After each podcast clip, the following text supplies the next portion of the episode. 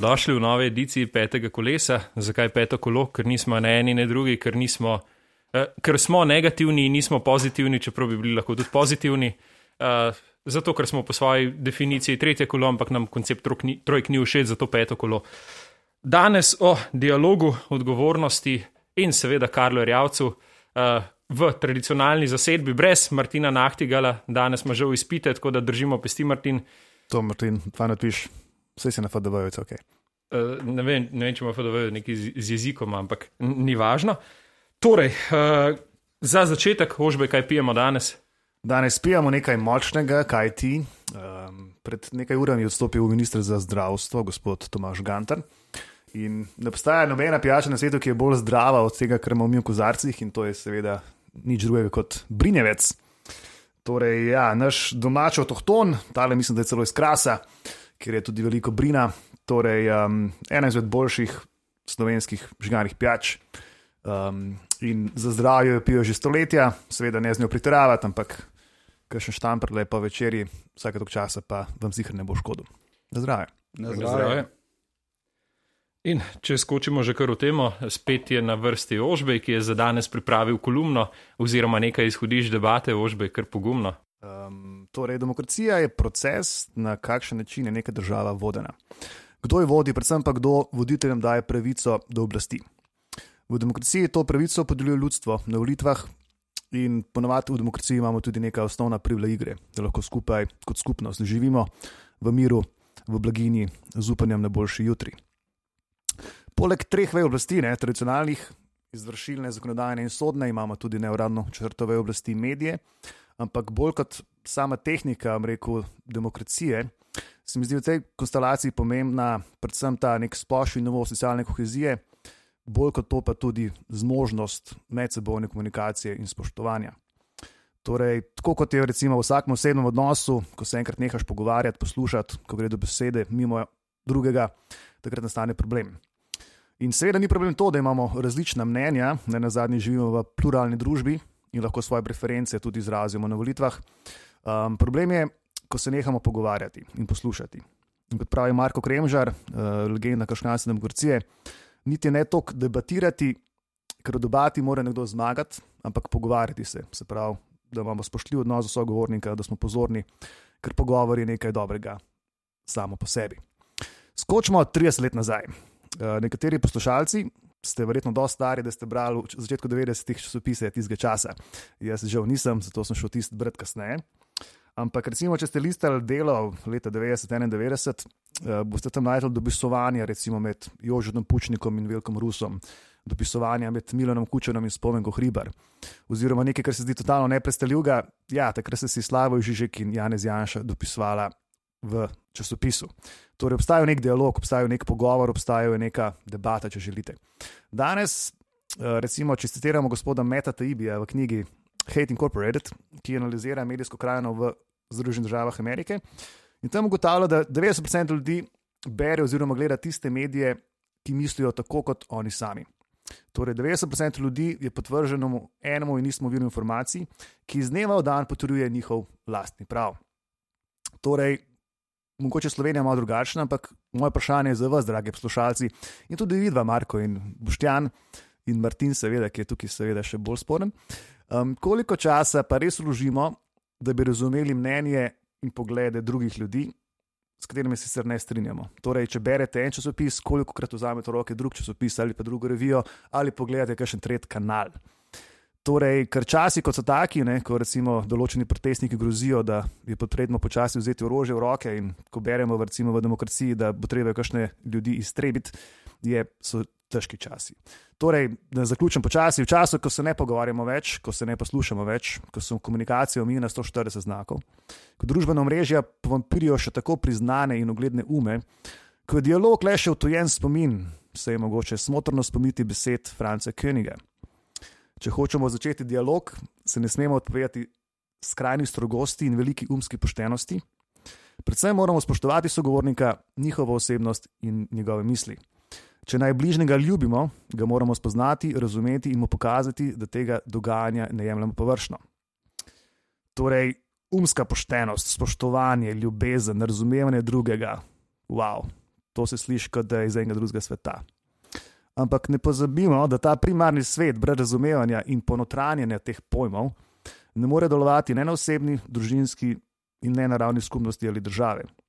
Vsaj zgodovina nas tako uči. Čeprav, kako gre že tisti Marksov rek v ponavljanju zgodovine? Hvala lepa. Današnji podcast, slišimo se čez dva tedna. Aj, že zmanjka časa. Ali ste rekli, ena, ena štir, štir stran? Ne, zdaj, zdaj se spodobi, da, da bi ožbe malo razbili, čeprav ga težko razbijamo, ker, ker smo tudi vendarle mi v pogovoru, ne v dialogu in uh, končnega zmagovalca. Če ste mi stališči, tako nimaš kaj razpravljati. Ja, smo v debati ali v pogovoru. Ne, to no, sej, sej, to sem mislil reči. Ja. V dialogu upam, da smo, no, oziroma ja. trologu. No, ampak eh, zanimivo je bilo, ko smo se pogovarjali, prej je Ožbe rekel, da, ne, da bo začel z optimizmom, da ne bo, da ne bo take patetike, uh, zdaj da si na koncu vsi prerežemo žile lahko.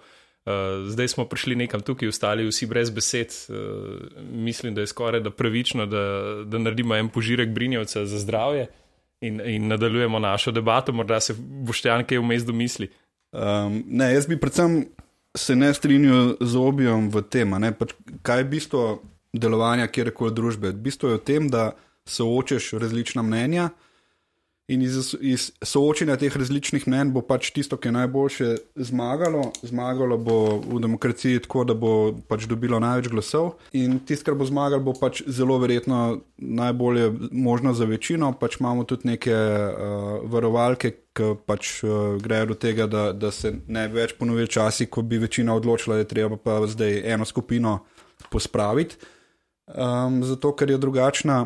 Uh, ampak v, v vsem ostalem, se pravi na, na celotnem področju demokracije, je pa razprava, oziroma je tudi ostra debata, ne samo, da je, da je um, dovoljena, oziroma um, legitimna, ampak je celo nujno potrebna. Ne, S, ne vem, kje sem jaz rekel, da ne želim debate. Ne. Jaz vsaj, mislim, se strinjam s tabo popolnoma. Edino, kar sem pač, mislim, tudi v kolumni nekako probo povedati, da je pomemben tudi način, kako te stvari potekajo. Ne. Seveda, v demokraciji zmaga tisti, ki ima več glasov, ampak meni se zdi, da je pomemben način, kako se prijo teh glasov, na kakšen način poteka komunikacija med temi akteri. Vem, če ste gledali zadnjo tarčo in vem, da sta jo, pač to ne izpade neki ful. Uh, Bistvena država je, ne samo v tem, pač pogovarjanje, pogovarjanje nekaj drugega. Problem je v tem, da sploh ni soočenja, se pravi, ni niti debate nobene. Ne, ne pa ne soočenja. Jaz imam še večji problem, uh, o čem pa bi se sploh pogovarjali. Jaz tukaj vidim, da je, da je predvsem uh, velik manjko neke vsebine v vseh teh pogovorih. Zdaj, le, če lahko gledamo zadnje dogajanje na, na vladi in iskanje, oziroma na kulu in iskanje alternativnega mandatarja, uh, v bistvu lahko spremljamo glasove in Tanja Fajon, in uh, Marjana Šarca, in Levice, in Alenke Bratušek kjer govorijo vsi izključno v smeri, da ja, tisti, ki zagotovi 46 glasov, bo novi premijer, podpremo ga ne glede na kaj. Noben se pa v bistvu ne vpraša, kaj bomo delali, kako bomo delali, ni tega globega razmisleka zadaj, če pustimo seveda ob strani tisti pamflet na nekaj straneh, ki ga je pripravil Jože Pedamen, ki je itak skropucala in pol. Uh, tako da to je, to je boj večji problem. Veš, govorimo o dialogu po eni strani, seveda se strinjam, tukaj, tukaj imamo veliko stvari za, za izboljšati, pa za narediti. Ampak po drugi strani, če ni vsebine, če se pogovarjajo, če, če, če trkajo samo različni egi med sabo, bomo ta, ta dialog težko vzdrževali. Ne? V čem se boš pa sploh pogovarjal? Se niti ne, trgajo, ne trkajo egi med sabo, ampak um, gre samo za uh, eno, eno tako čudno metafizično predejanša ali nejanša. Ne? Ja, torej... ki, ki, ki ne potrebuje nobene vsebine, nobene osnovi na, na čem, ne na vrednotah, se pravi na vrednostnem sistemu, na svetovnem nazoru, na, na opredelitvi pravzaprav do česar koli.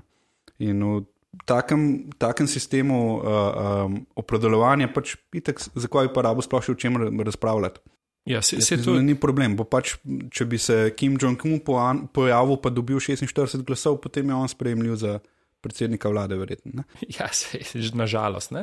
Ja, in pač tu, tu, tukaj je pa bistvena poanta, pa po mojem, v tem, da, da smo mi tudi kot, uh, kot narod, kot voljivci, tisti, ki od naših politikov ne zahtevamo nič drugega, kot to, kar oni počnejo. Sam, spet bom iz, iz rokava, mogoče eno že zlajno misel potegnil, vse politiki so odraz naroda, vse točno take politike imamo, kot smo si jih izvolili, oziroma kot smo si jih zaslužili.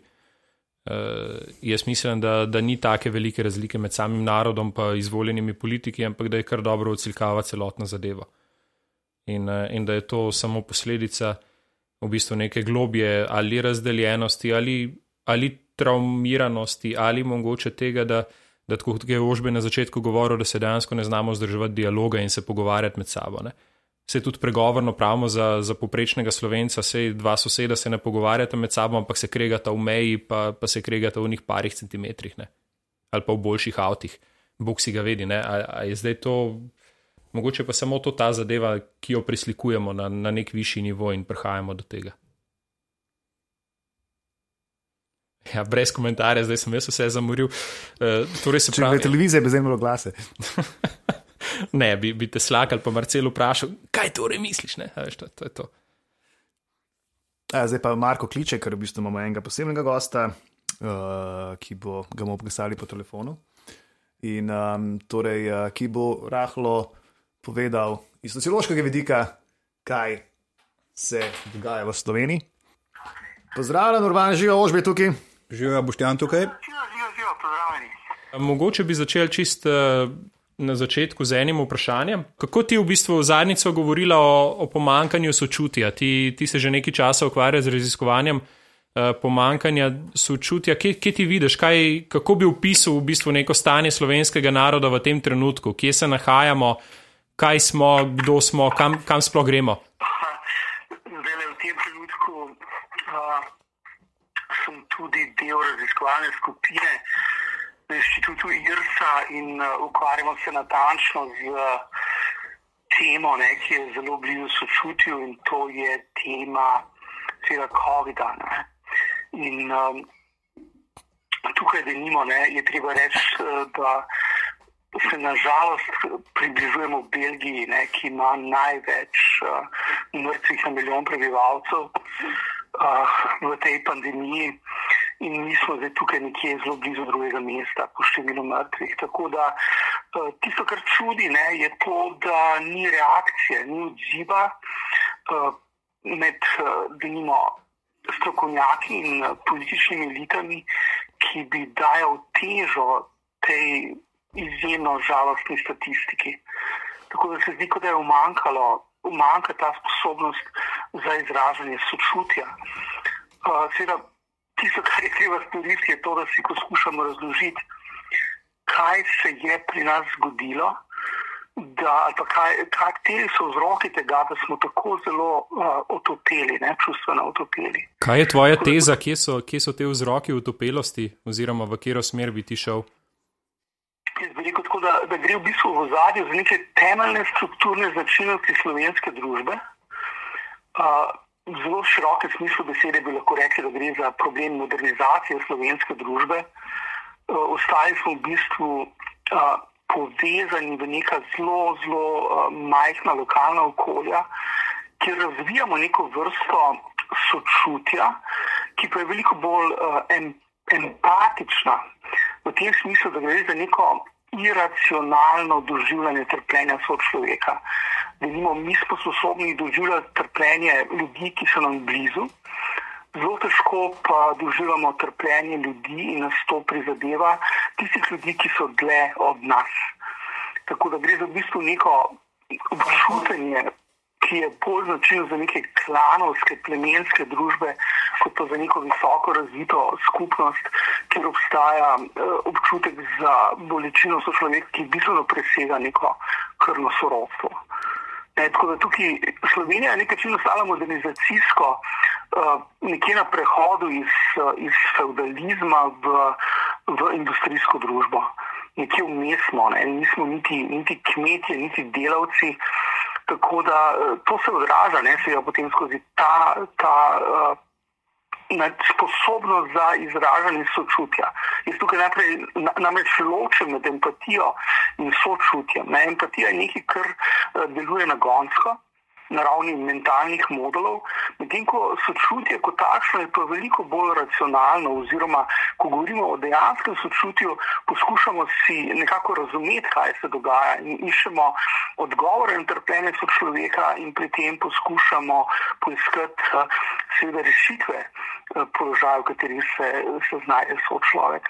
To, to pri nas je, tukaj, tukaj mislim, v Sloveniji to izrazito manjka. In ta trenutek na nek način razkriva resničnost slovenske družbe, slovenske psihe, bi lahko rekli.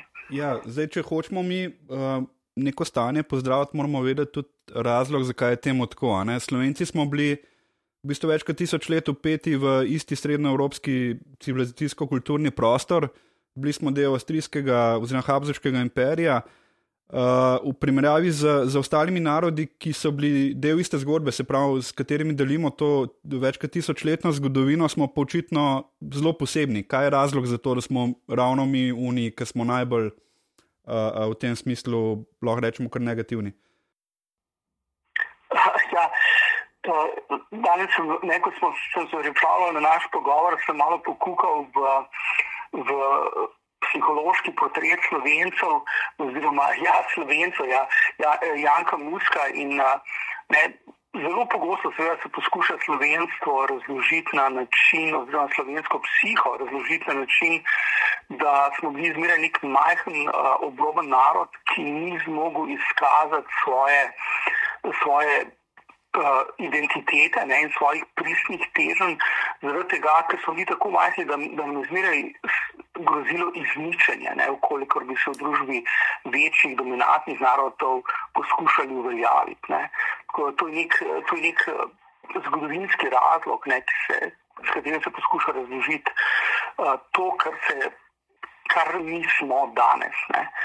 Uh, jaz, če pogledam zdaj malo, če pogledamo recimo zgodovino zadnjih stotih let, ne, ali pa recimo bomo tako rekli zgodovino, uh, zgodovino od leta 1940 naprej, ne, to, so, to je zadnjih 80 let, lahko rečemo, da smo nažalost v tem času zgubljali povezavo z bolj kozmopolitsko uh, usmerjenim svetom in to je svet Srednje Evrope. Ne.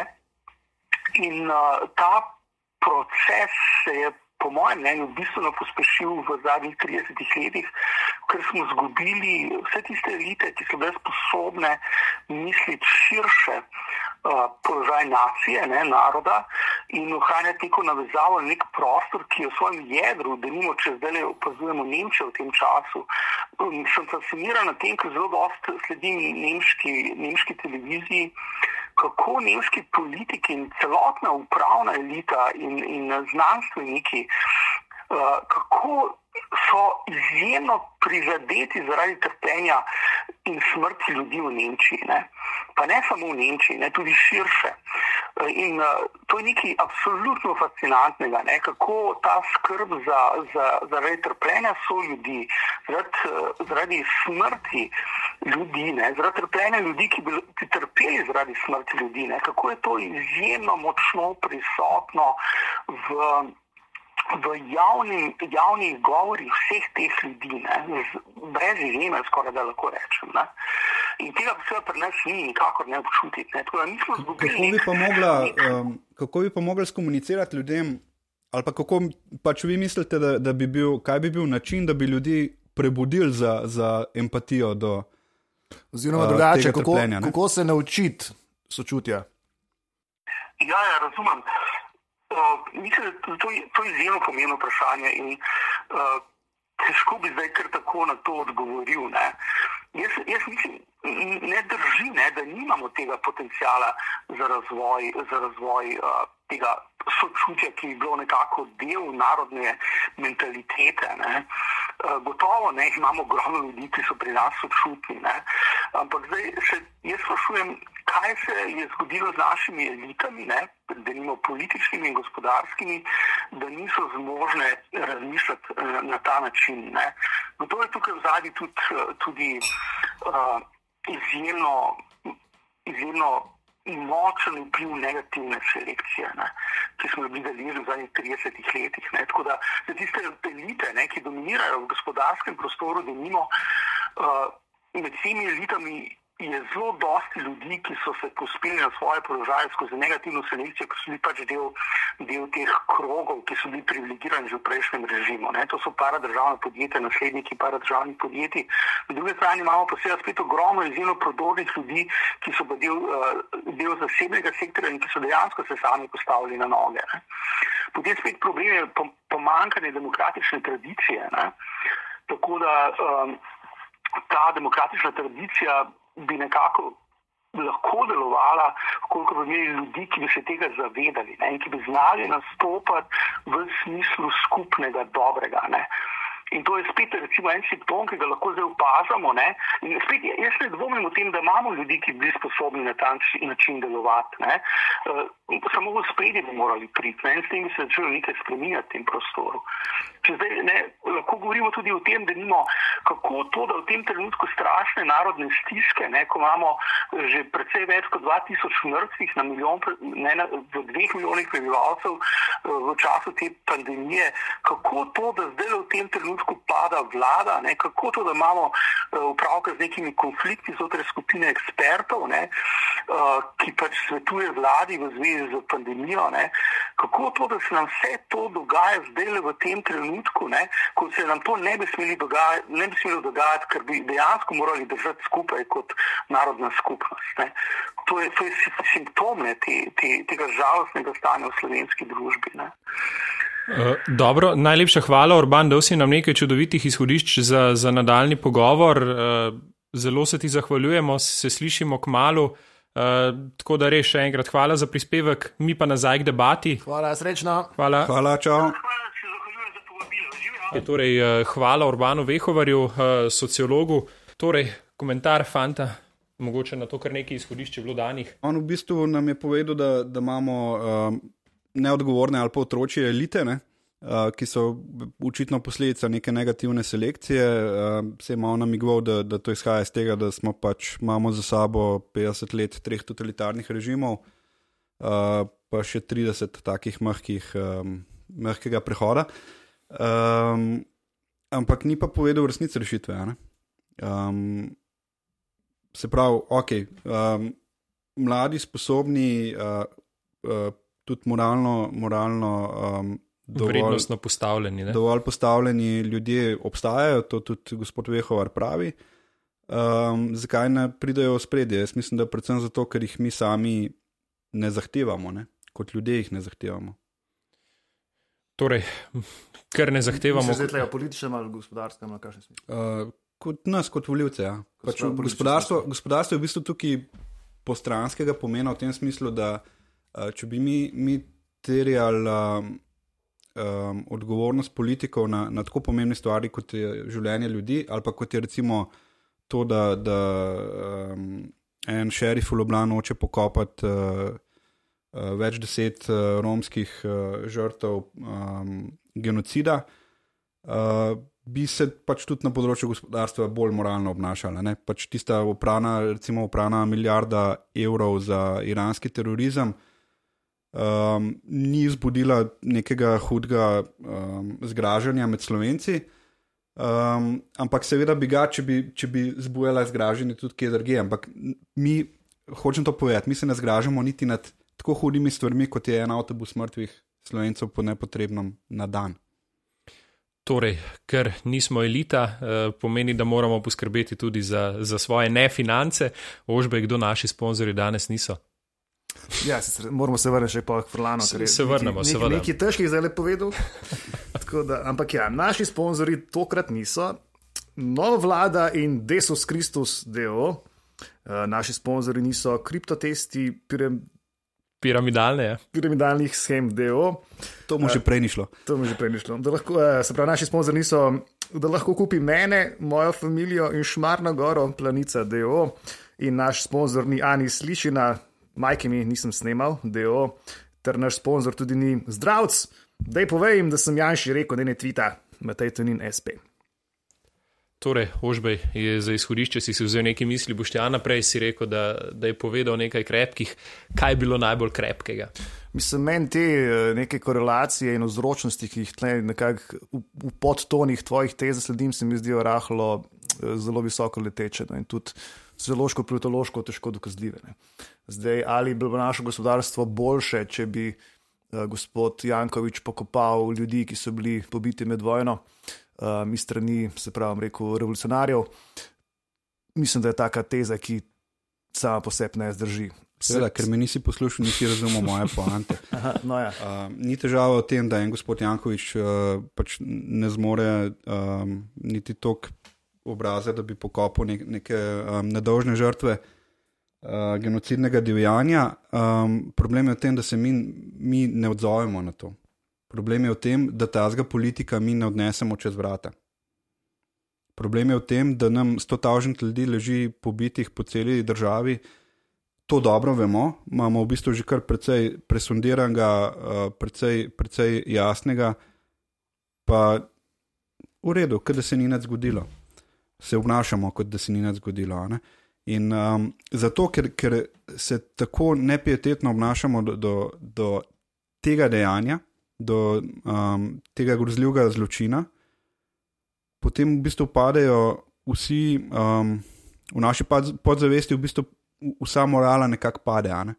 Um, jaz seveda tega ne morem empirično prikazati, tega ne morem dokazati. Um, ampak sem pa pripričan, da, da če ti storiš neko zelo težko dejanje, recimo nekoga ubiješ, pa um, zato nisi kaznovan, pa si to sam pri sebi razložiš, da je to dejanje v redu, potem boš težko um, se zelo obsojal, če boš nekje ukradel um, recimo 17 milijonov evrov.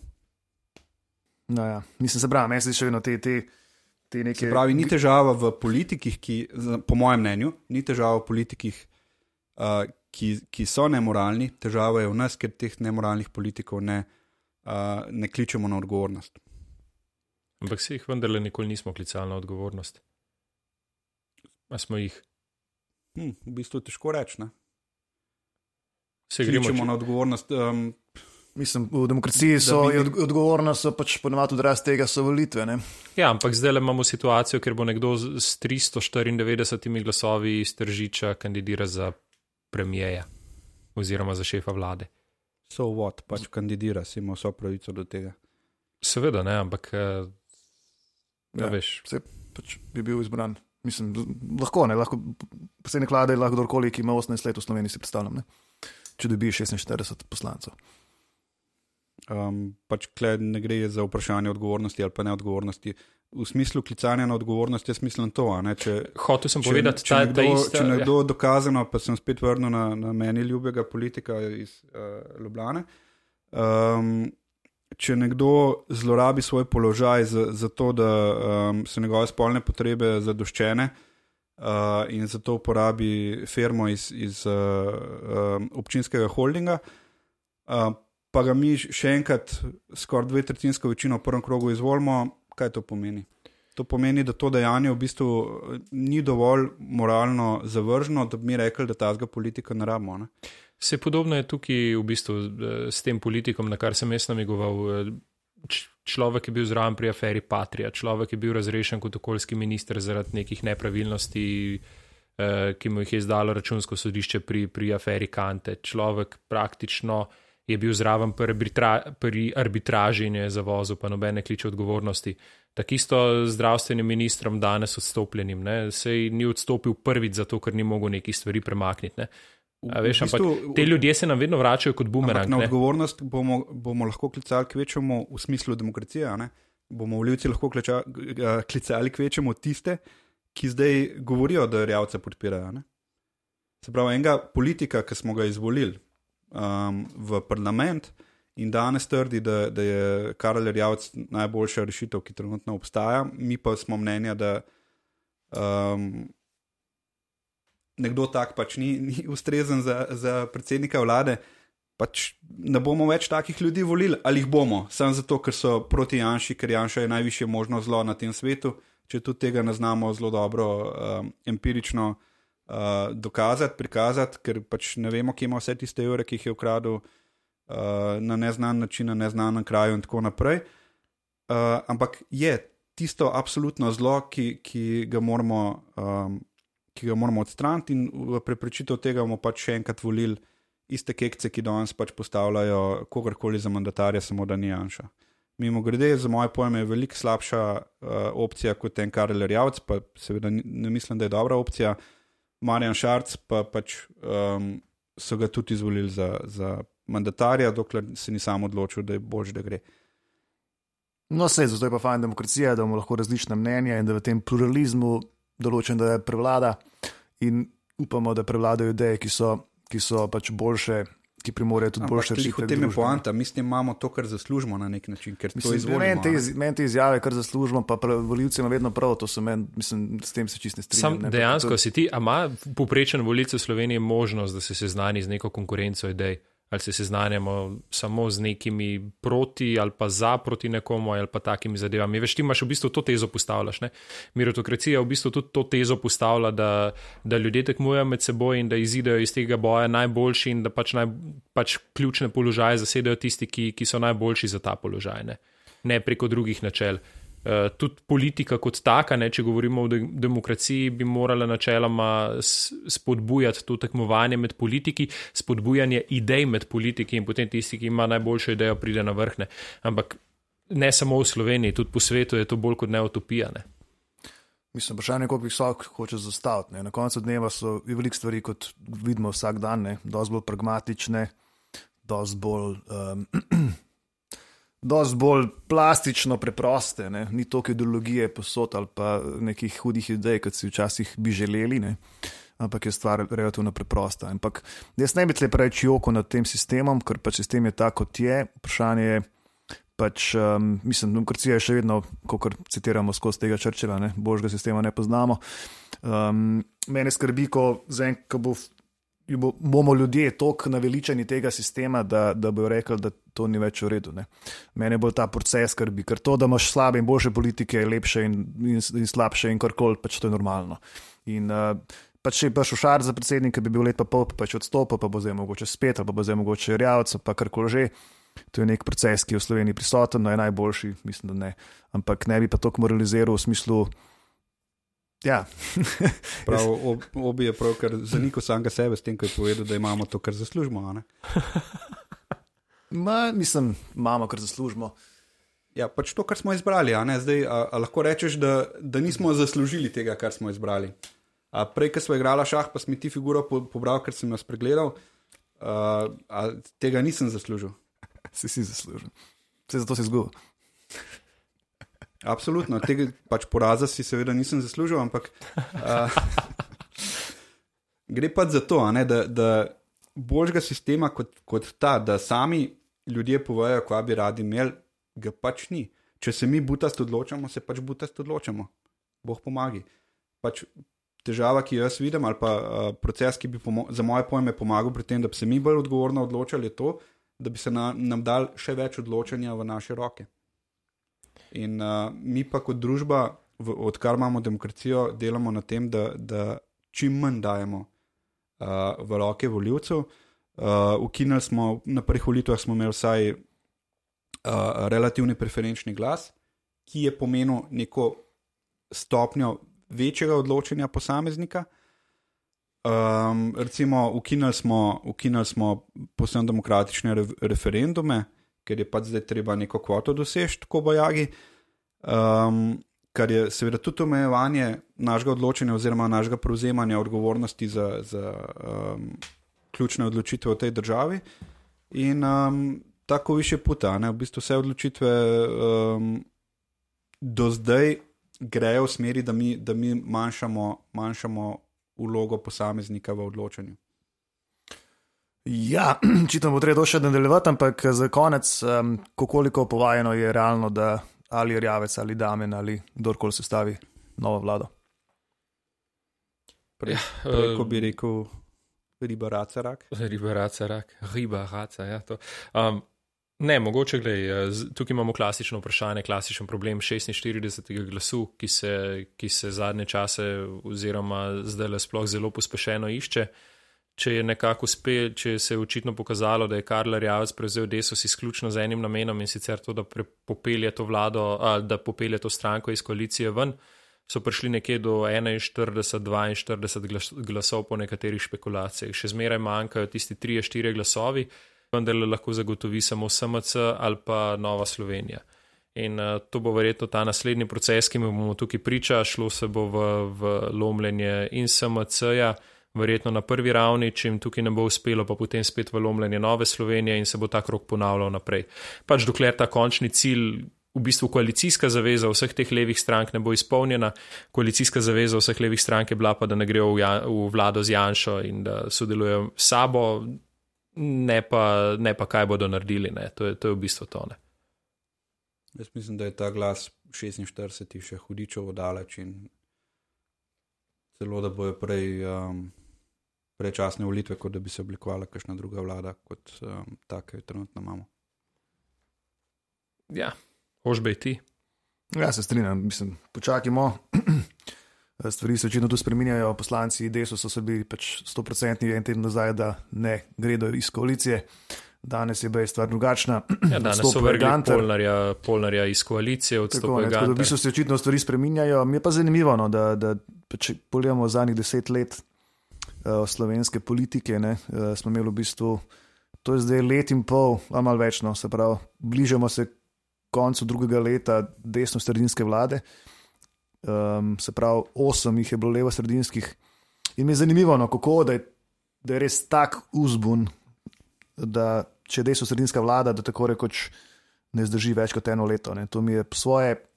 Malo strašljivo glede tega demokratičnega izmenjave oblasti, pluralizma, Eh, po drugi strani pa tudi um, ja, pač to, da, da v zadnjih desetih letih ni bilo desno-sredinske vlade, ki bi trajala več kot eno leto, je zanimivo dejstvo samo po sebi. No, ampak se imajo tudi eh, levo-sredinske vlade ta problem, ker se njihov rok trajanja krajša. Ne? Iz treh let smo prišli na leto, pa pol, koliko je bil še. No, če gledamo, še, če gledamo kulmativo tega, ne se pravi, imaš ti v bistvu ja, os, osem ja. let, osem pa pol versus se pravi leto pa pol dve leti. V seštevku pa gotovo tem smislu. Ne. Pač tam se nekako premotira naprej. Um, in pač predstavljaj si, da bi stvar obratna, predstavljaj si, da bi imeli v zadnjih desetih letih, osem let in pol Janše in potem po pol leta levo-sredinske vlade in spet zrušimo. Kako bi še le takrat folk reagiral? Se mogoče nas pa to še čaka. Verjetno ne. Ja, lej, češki oligarh, ki je kupil Pop TV, uh, se mu da zelo dobro razume z Janšo, pa bomo videli. Ne? V katero smer bomo šli, Mačari so že kupili Siol.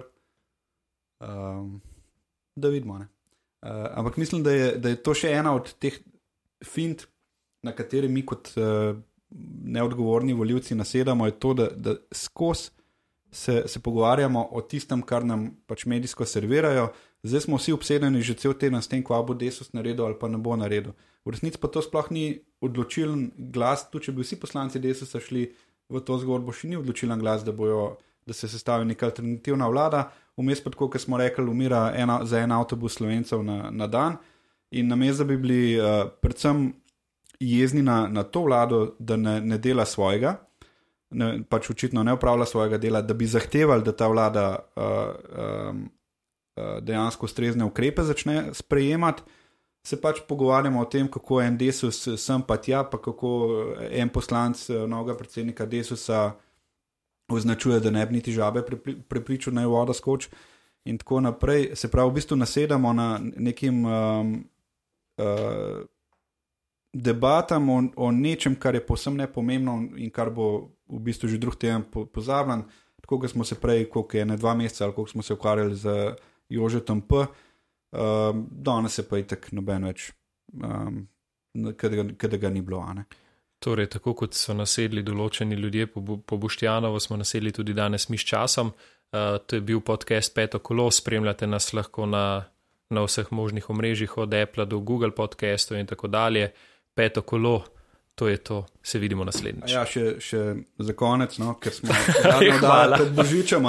Ja, uh, tale brinjevc me po vonju in okusu zelo spominja na unmah, ki ga uporabljamo za jaselce. Ne vprašati, zakaj vem, kako kakšnega okusa je. Uh, ampak, uh, mislim, čem, da... čem ti polivaš mah, ki ga imaš na jaselcah? mislim, da uh, vsi trije želimo vsem poslušalcem en vesel, blagosloven Božič, pa um, vse dobro in lepo. Čau.